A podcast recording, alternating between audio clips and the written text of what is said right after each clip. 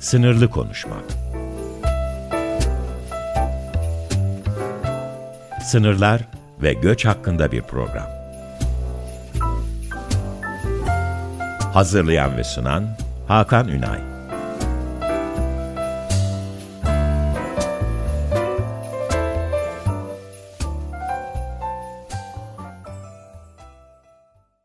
Değerli Açık Radyo dinleyicileri merhabalar. Sınırlı Konuşmak programının yeni bölümüne hoş geldiniz. E, bu bölümde elbette yine sınır konuşacağız. Ve sınırı en iyi bilen insanlarla konuşmaya devam ediyoruz. E, özellikle Neşe Hoca'dan sonra e, aslında e, sınır araştırmacıların hemen hemen hepsi kabul eder ki konuşmak çok zordur. Ondan sonra konuşmak çok zordur belki. Ama e, bana sorarsanız e, o bölümleri çok da aratmayacak e, kalitede bir e, konuğum var. Kendisi e, sevgili Sibel Karadağ. Hocam hoş geldiniz. Hoş buldum. Çok teşekkür ederim. Sağ olun. E, ben teşekkür ederim davetimi kabul ettiğiniz için.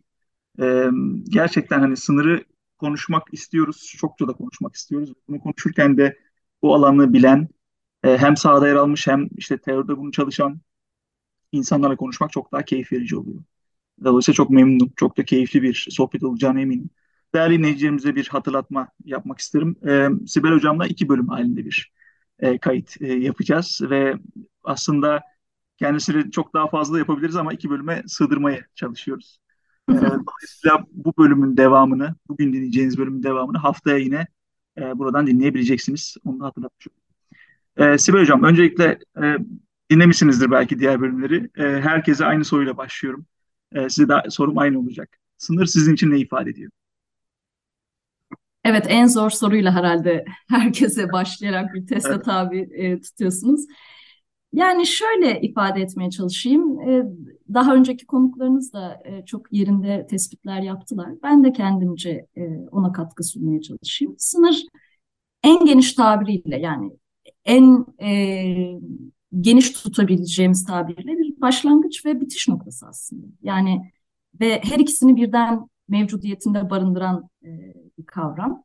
E, bu bir madde de olabilir, bir düşünce de olabilir, bir olgu da e, olabilir. Bunların her birinin bir hudut noktası. Yani çerçevesini belirleyen şey. Ve o yüzden de onu tanımlayan ve varoluşunu inşa eden şey aynı zamanda. İçeriye neyi alacaksınız, neyi dışarıda bırakacaksınız, neyi öteki yapacaksınız buna dair bir işaret koyucu.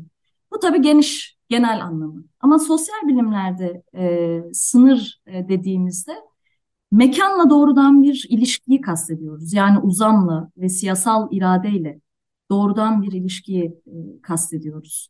Yani işte bir siyasi irade, bir egemen e, yer kürede bir işgal ederek düzen kurma iddiasındadır değil mi? Yani o anlamda sınır e, yer kürenin bir tahsisi, bir parsellenmesi. Ee, ve tabii bu da şeyden bağımsız değil. Bu önemli üretim ve dağılım ilişkilerinden dolayısıyla da mülkiyet ilişkilerinden e, bağımsız e, değil.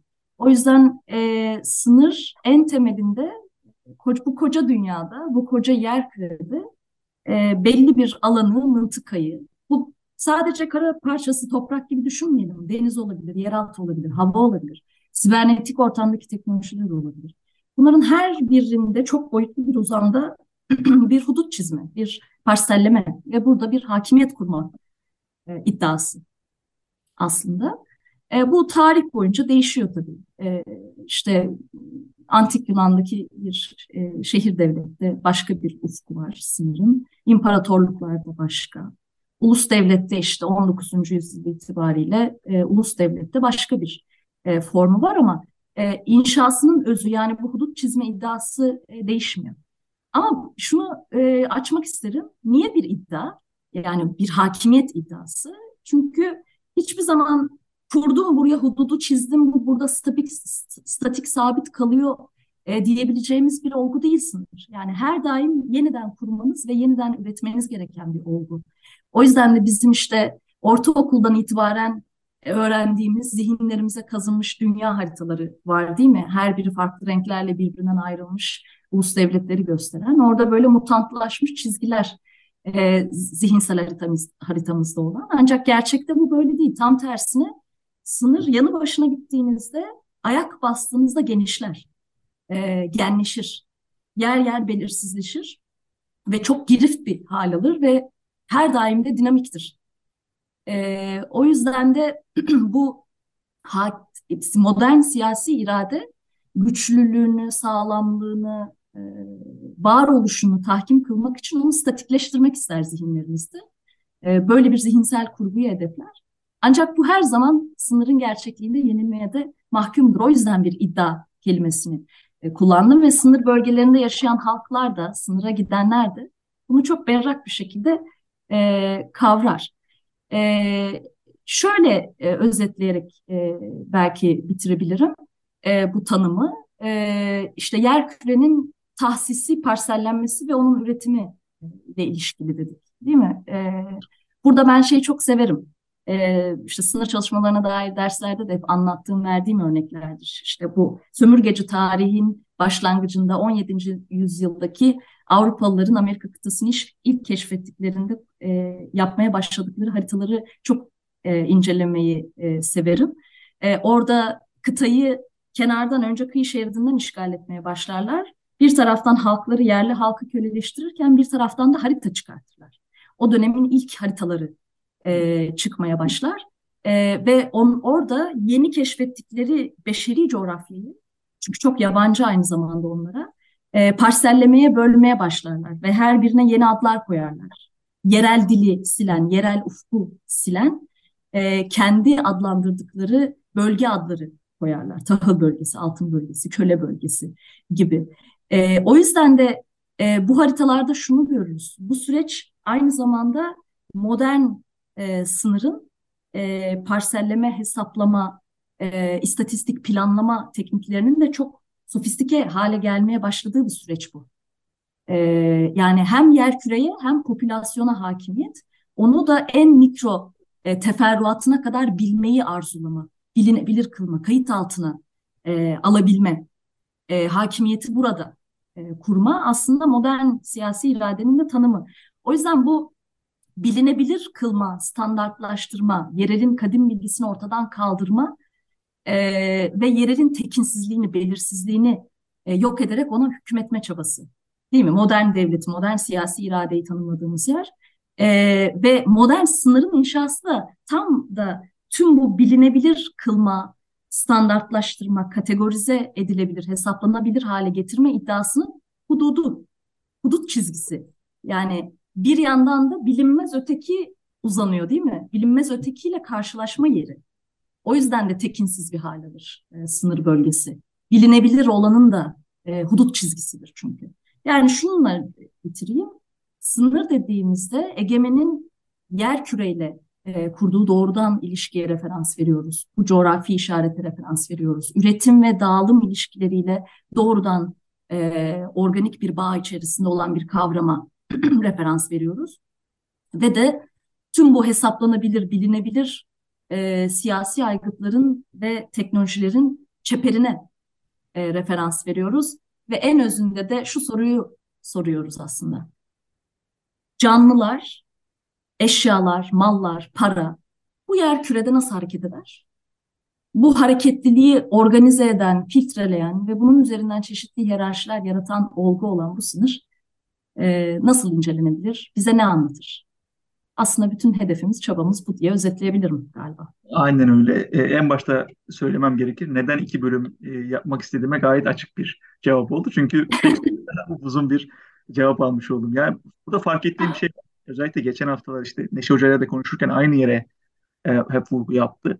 İktidarla yönetilen e, ve işte merkezde çevre e, ya da yerelle e, merkezgi diyebiliriz bu ayrımları. Hepsinin e, arasındaki sınırı belirleyen şey bizim bahsettiğimiz sınır.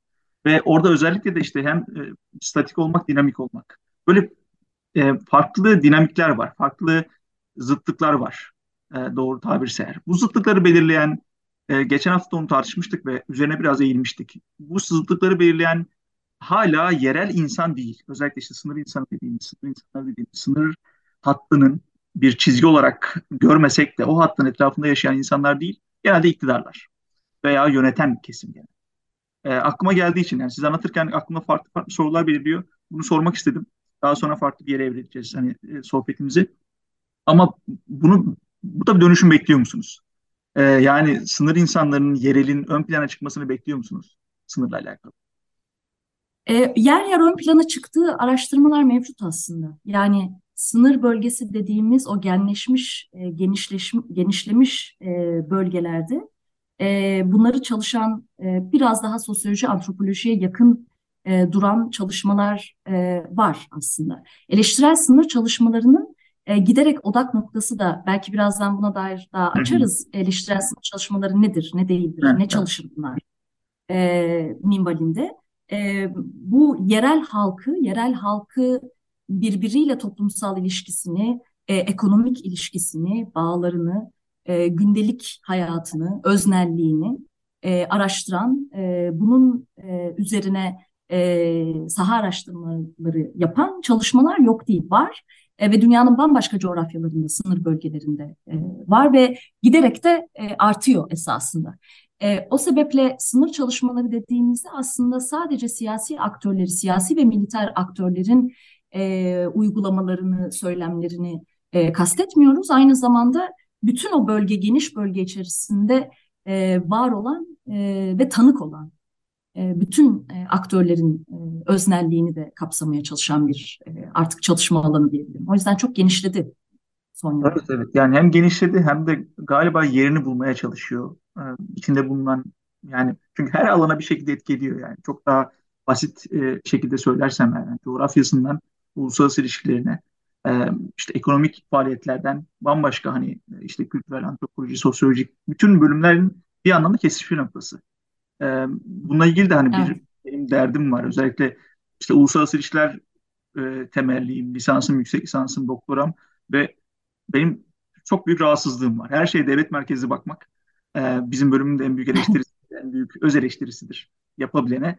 E, ve her şeye devlet merkezli bakmak bir yerden sonra yereli görmeyi çok etkiliyor. Çok e, yani olumsuz etkiliyor. Bunu söylemek lazım. Dolayısıyla e, örneğin sosyoloji bu anlamda çok daha esnek ve çok daha doğru bir yaklaşım. Antropoloji yine aynı şekilde. Ve öyle bir şey var. Dediğim gibi yerini bulma gayreti var. Bilmiyorum e, sınır çalışmaları kendine özel bir alan olarak belki ileride bir disiplin olarak bulabilecek mi ama e, bir dönüşümün içerisindeyiz gibi. Özellikle sınıra e, olan ilgiden de bunu görebiliyoruz. E, buradan yine size sözü bırakacağım. E, Türkiye'de özellikle son yıllarda siz daha hakimsiniz buna. E, sınıra dair hem ilgi artıyor hem de sınır çalışmak isteyen bir kitle var artık. Yani sınırın bu elbette ki bir popüler tarafı var. Bunu olumsuz anlamda söylüyorum. E, tıpkı göç gibi. E, ve bu popülerlik bazen e, işin odağını kaybetmeye veya özünü kaybetmeye hatta içini boşaltmaya başlıyor. E, genel olarak nasıl görüyorsunuz merak ediyorum. Türkiye'deki bir sınıra dair ilgi, sınır çalışmaları üzerinde nasıl bir gözleminiz var? Belki biraz önce sizin e, çok güzel değindiğiniz sınır, genel sınır çalışmaları e, literatüründen başlatayım öyle Türkiye'ye geleyim. Belki biraz daha e, açılır Hı hı. e, mevzu. E, şimdi işte dediniz ya giderek içi boşalmaya da başlıyor bu yoğun ilgiyle birlikte.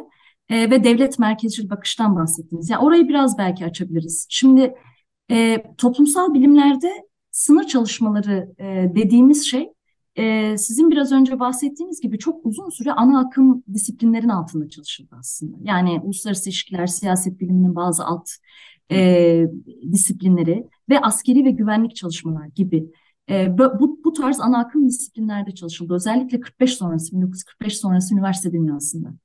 E, burada tabii bazı tarihi, tarih çalışmaları, antropolojik çalışmalar vardı, alternatif bilgi üreten.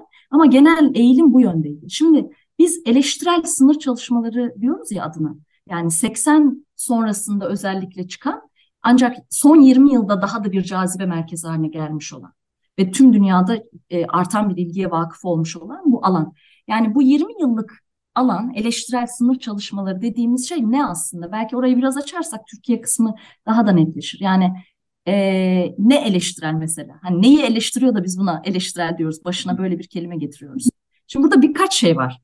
E, birincisi biraz önce sizin de söylediğiniz ana akım e, disiplinlerde sınır daha çok devletlerin merkeze alındığı ve resmi devlet söylemlerinin verili kabul edildiği, hiç sorgulanmadığı, soru işaretine bile tabi olmadığı bir bilgi üretimiydi uzun yıllar. E, ve bu e, ana akım literatürü de çok geniş biliyorsunuz. Yani askeri askeri çalışmalar, e, güvenlik çalışmaları vesaire, uluslararası ilişkilerdeki e, ve işte devlet sınırının güvenliği nasıl olmalı, nasıl olamadığı gibi tonlarca şey yazılmış bu alanda. E, şimdi burada tabii şey çok önemli. E, her e, bilim dalında olduğu gibi bilgi kime üretilir yani? E, kim için bilgi yaparsınız? Kime üretirsiniz? Devletlere mi üretirsiniz? E, yoksa tüm tüm insanlığa özgür bir dünya tahayyülüyle tüm insanlığa mı üretirsiniz? Bu sorudan kaçamayız. Doğa bilimleri de kaçamaz. E, yani aslında şunu söylemeye çalışıyorum. 45 sonrası dönemde bu sınır ve güvenlik çalışmaları devletler tarafından desteklenen, onaylanan ve hatta talep edilen bilgi üretimleriydi aynı zamanda. Şimdi eleştirel sınır çalışmalarının ilk şerhi buradadır. Yani devletlerin, herhangi bir devletin, önemli değil, dünya üzerindeki herhangi bir devletin resmi söylemini e, verilik kabul etmeyi reddederek başlar. Baştaki eleştirel kavramı bu, bu, buradan gelir. Ve sınır kavramına da bu lensle bakar. Yani bu bir toplumsal olgudur. Bu, bu, bu olgunun mekansal, toplumsal, ekonomik, siyasi, hukuksal, duygusal listeyi arttırabiliriz. Pek çok açıdan analizini yapmayı hedefler ve bunu yaparken de resmi söyleme mesafe alır. Şimdi birincisi bu. İkincisi yine sizin biraz önce söylediğiniz bu yerellik mevzusu, konuştuğumuz yerellik mevzusuyla doğrudan ilişkili ikinci bir şerh vardır. Eleştirel sınır çalışmaları. O da metodolojik bir şerhtir. Şimdi çok interdisipliner olmasıyla birlikte aynı zamanda genel yönelim son 20 yılda genel yönelim bilginin tabandan üretimi, sınırın kendisinden yola çıkarak bilginin üretilmesi yönünde. O yüzden de konvansiyonel çalışmalardan ayrılır. Yani siz bir araştırmacı olarak sınır çalışıyorsanız, masa başındayız değil mi? Bilgisayar önümüzde. E, masa başında sınır nasıl çalışılır?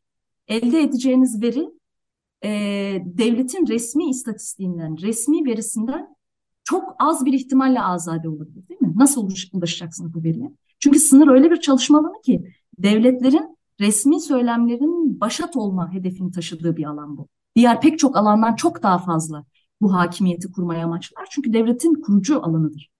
O yüzden de alternatif bilgi e, üretiminden çok hoşlanmaz sınır çalışmalarında değil mi? O sebeple masa başından e, resmi söylemin dışına çıkacak alternatif bilgi üretimlerine ulaşmak neredeyse sınır alanında imkansızdır. İşte eleştirel sınır çalışmaları bunu gördü.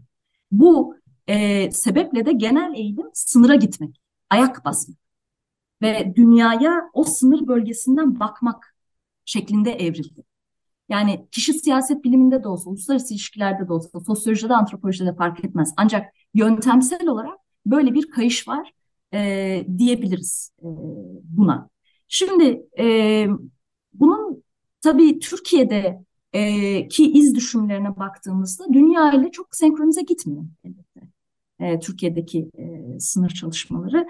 Ben e, 2015 e, yılında doktora tezime başladığımda e, yani işte Neşe Hoca gibi daha e, sosyoloji ya da politik antropoloji e, alanındaki çalışmaların e, ötesinde ki onlar da daha kurucu çalışmalar, onun ötesinde çok güncel e, literatür yoktu. Neredeyse yok denecek kadar azdı. E, oradan da şu an e, günümüzde geldiğimiz e, nokta henüz daha biraz emekleme e, aşamasında belki diyebiliriz. Çünkü dünyada şu an yani 20 yıllık e, eleştirel sınır çalışmalarında 2000'lerden beri pek çok kulvar geçildi. Bilmiyorum oraları açayım mı biraz yani mesela ne türlü dönüşümler yaşandı, bunların hangileri Türkiye'ye gelebildi, gelemedi bilmiyorum. Orayı açmamı ister misiniz? Belki, belki biraz. Ama özet, özet olarak değinebiliriz. Çünkü o şeyi de gör, göstermek istiyorum dinleyicilerimize. E, aradaki farkı. Yani eşle, eş zamanlı gitmediğini hani biliyorum ama bunu biraz daha açmak gerekebilir. Buyurun lütfen. Tamam yani mesela şöyle çok kabaca 2000'lerin başında ilk çıktığında eleştirel sınır çalışmaları ya olgunlar yeşermeye başladığında o zaman tabii kavramsal bir dönüşüm yapma hedefindeydi. Sınır kavramını e, dönüştürme hedefindeydi. Yani işte küreselleşen e, dünyada işte ulus devlet sınırları nasıl bir dönüşüme uğruyor? E, bu sınırlar muğlaklaşıyor mu, silikleşiyor mu gibi tartışmalar hakim Ve eş zamanlı olarak işte e, sınırın bir bölgeye tekabül ettiği, çok katmanlı, çok aktörlü, işte girif bir yapısı olduğu, hududun ötesine berisine doğru genişleyen bir olgu olduğu gibi kavramsal dönüşümler vardı.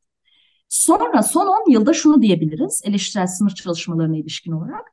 E, postkolonyal literatür çok etki etmeye başladı e, sınıra. Yani ırk çalışmaları, ırksallaştırma, ırksal e, hiyerarşiler, e, sömürgecilik tarihi, e, sömürgecilik e, tarihine ve sömürgecilik tarihinin ulus devlet e, sınır inşası ile organik bağına bakan e, çok fazla çalışma e, var artık. Mesela burada bir örnek vereyim dinleyicilerimiz için. Ada kavramı benim de çok ilgiyle takip ettiğim ve üzerinde çalıştığım. Mesela sömürgecilik tarihinde adalar çok büyük önem taşırız. E, kapatılma tekniklerinin, sınır çizme tekniklerinin öğrenildiği ve pratik edildiği yerlerdir adalar. E, ve onu günümüzde Avrupa'da, Amerika'da, Avustralya'da mültecilerin kapatıldığı adalar, neden özellikle adalara kapatılırlar? Bu sömürgecilik tarihinden nasıl bir mirastır? Nasıl bir hafızayı taşır? E, ya da kamp metaforu da yine benzer şekilde. Yani kamplarda e, modern mesela Nazi kamplarından beri kamp metaforunun e, aslında bütün siyasi aygıtları ve teknolojileri sömürgecilik tarihinde, sömürgeleştirilmiş coğrafyalarda nasıl öğrenilmiştir? 400 yıllık bu hafıza nasıl aktarılmıştır? Yine köle gemileri, korsanlık, bütün bunlar sömürgeci 16. 17. yüzyıldaki sömürgecilik tarihi ve bunun ulus devlet sürecindeki organik bağ üzerinden çalışılıyor e, artık e, eleştirel sınır çalışmalarında. İşte başlarda daha e, her o zaman rockstardı Agamben kamp metaforu sebebiyle e, çok çalışılırdı. Sonrasında daha Foucault'cu evet. e, çalışmalar, kavramlar, disiplin ve biyoiktidar çok çalışılmaya başlandı.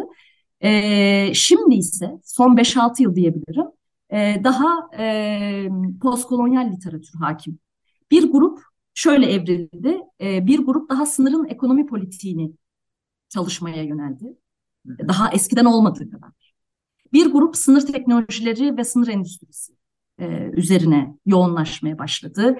Algoritmalar çalışan, bilim teknoloji alanıyla da kesişen algoritmalar, yapay zeka ve bunun gözetleme teknolojileri, sınır teknolojilerine olan etkisi üzerine çalışan bir grup çok hakim artık ve bir de postkolonyal e, literatürden, Fanon'dan, post Fanon'dan e, çalışan ve buradaki sömürgeci tahakkümün izlerini süren e, günümüzde e, bu tür teorik açılımlar çok yaygın. Şimdi e, bir de tabii şu örneği de vereyim, o da ilgi çekici olabilir. Farklı sınırın coğrafyacılar bunu başlattı ama daha sonra çok yayıldı. Sınır bölgelerinin maddeselliği ki benim de deniz sınırı çalıştığım için e, payı var bunda. E, çöl sınırı, orman sınırı, dağlık sınırlar, tüm bu farklı materyallerin mesela sınır bölgelerine olan etkileri. Bu nasıl oradaki ilişkileri değiştiriyor, dönüştürüyor. Bunun üzerine çok güzel çalışmalar var. Yani çok oldukça e, genişleyen e, bir alandan e, bahsediyoruz.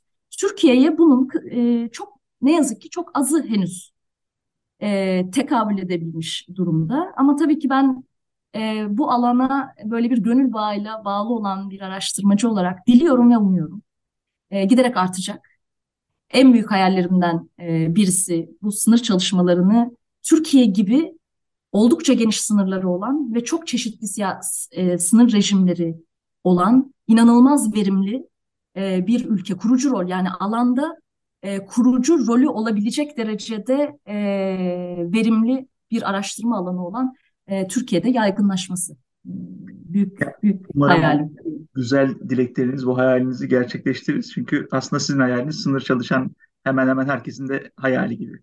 E, ne kadar çalışılırsa o kadar çünkü e, genişleyecek ve genişlediği kadar da derinleşmesini umuyoruz. Çünkü e, az önce bahsettiğim yani içini boşaltmak çok daha hiç olmamasından çok daha e, kötü bir duruma getirebilir meseleyi. Ama ben de aynı fikirdeyim. Yani e, siz de hani sivil toplumla iç içesiniz akademinin yanında. E, keza ben de sivil toplumun içindeyim ve buradan görebildiğimiz kadarıyla bir e, ciddi bir ilgi var. Sadece bu potansiyel ilgiyi artık e, kinetiğe çevirmek gerekecek. E, o da umarım e, ilerleyen yıllarda önümüze gelecektir diye düşünüyorum. E, diyerek bölümümüzü tamamlamış olalım. Süremizin sonuna geldik artık. Sibel Hocam çok teşekkür ediyorum. Aynı şekilde değerli dinleyicilerim sizlere de çok teşekkürler. Haftaya yine Sibel Hocam'la bu sefer sahadaki gözlemleri ve deneyimleri üzerine konuşacağız. Ee, umarım e, benim kadar keyif almışsınızdır bu güzel sohbetten. E, haftaya yine aynı saatte, aynı günde e, Açık Radyo'da buluşmak üzere. E, Hoşçakalın.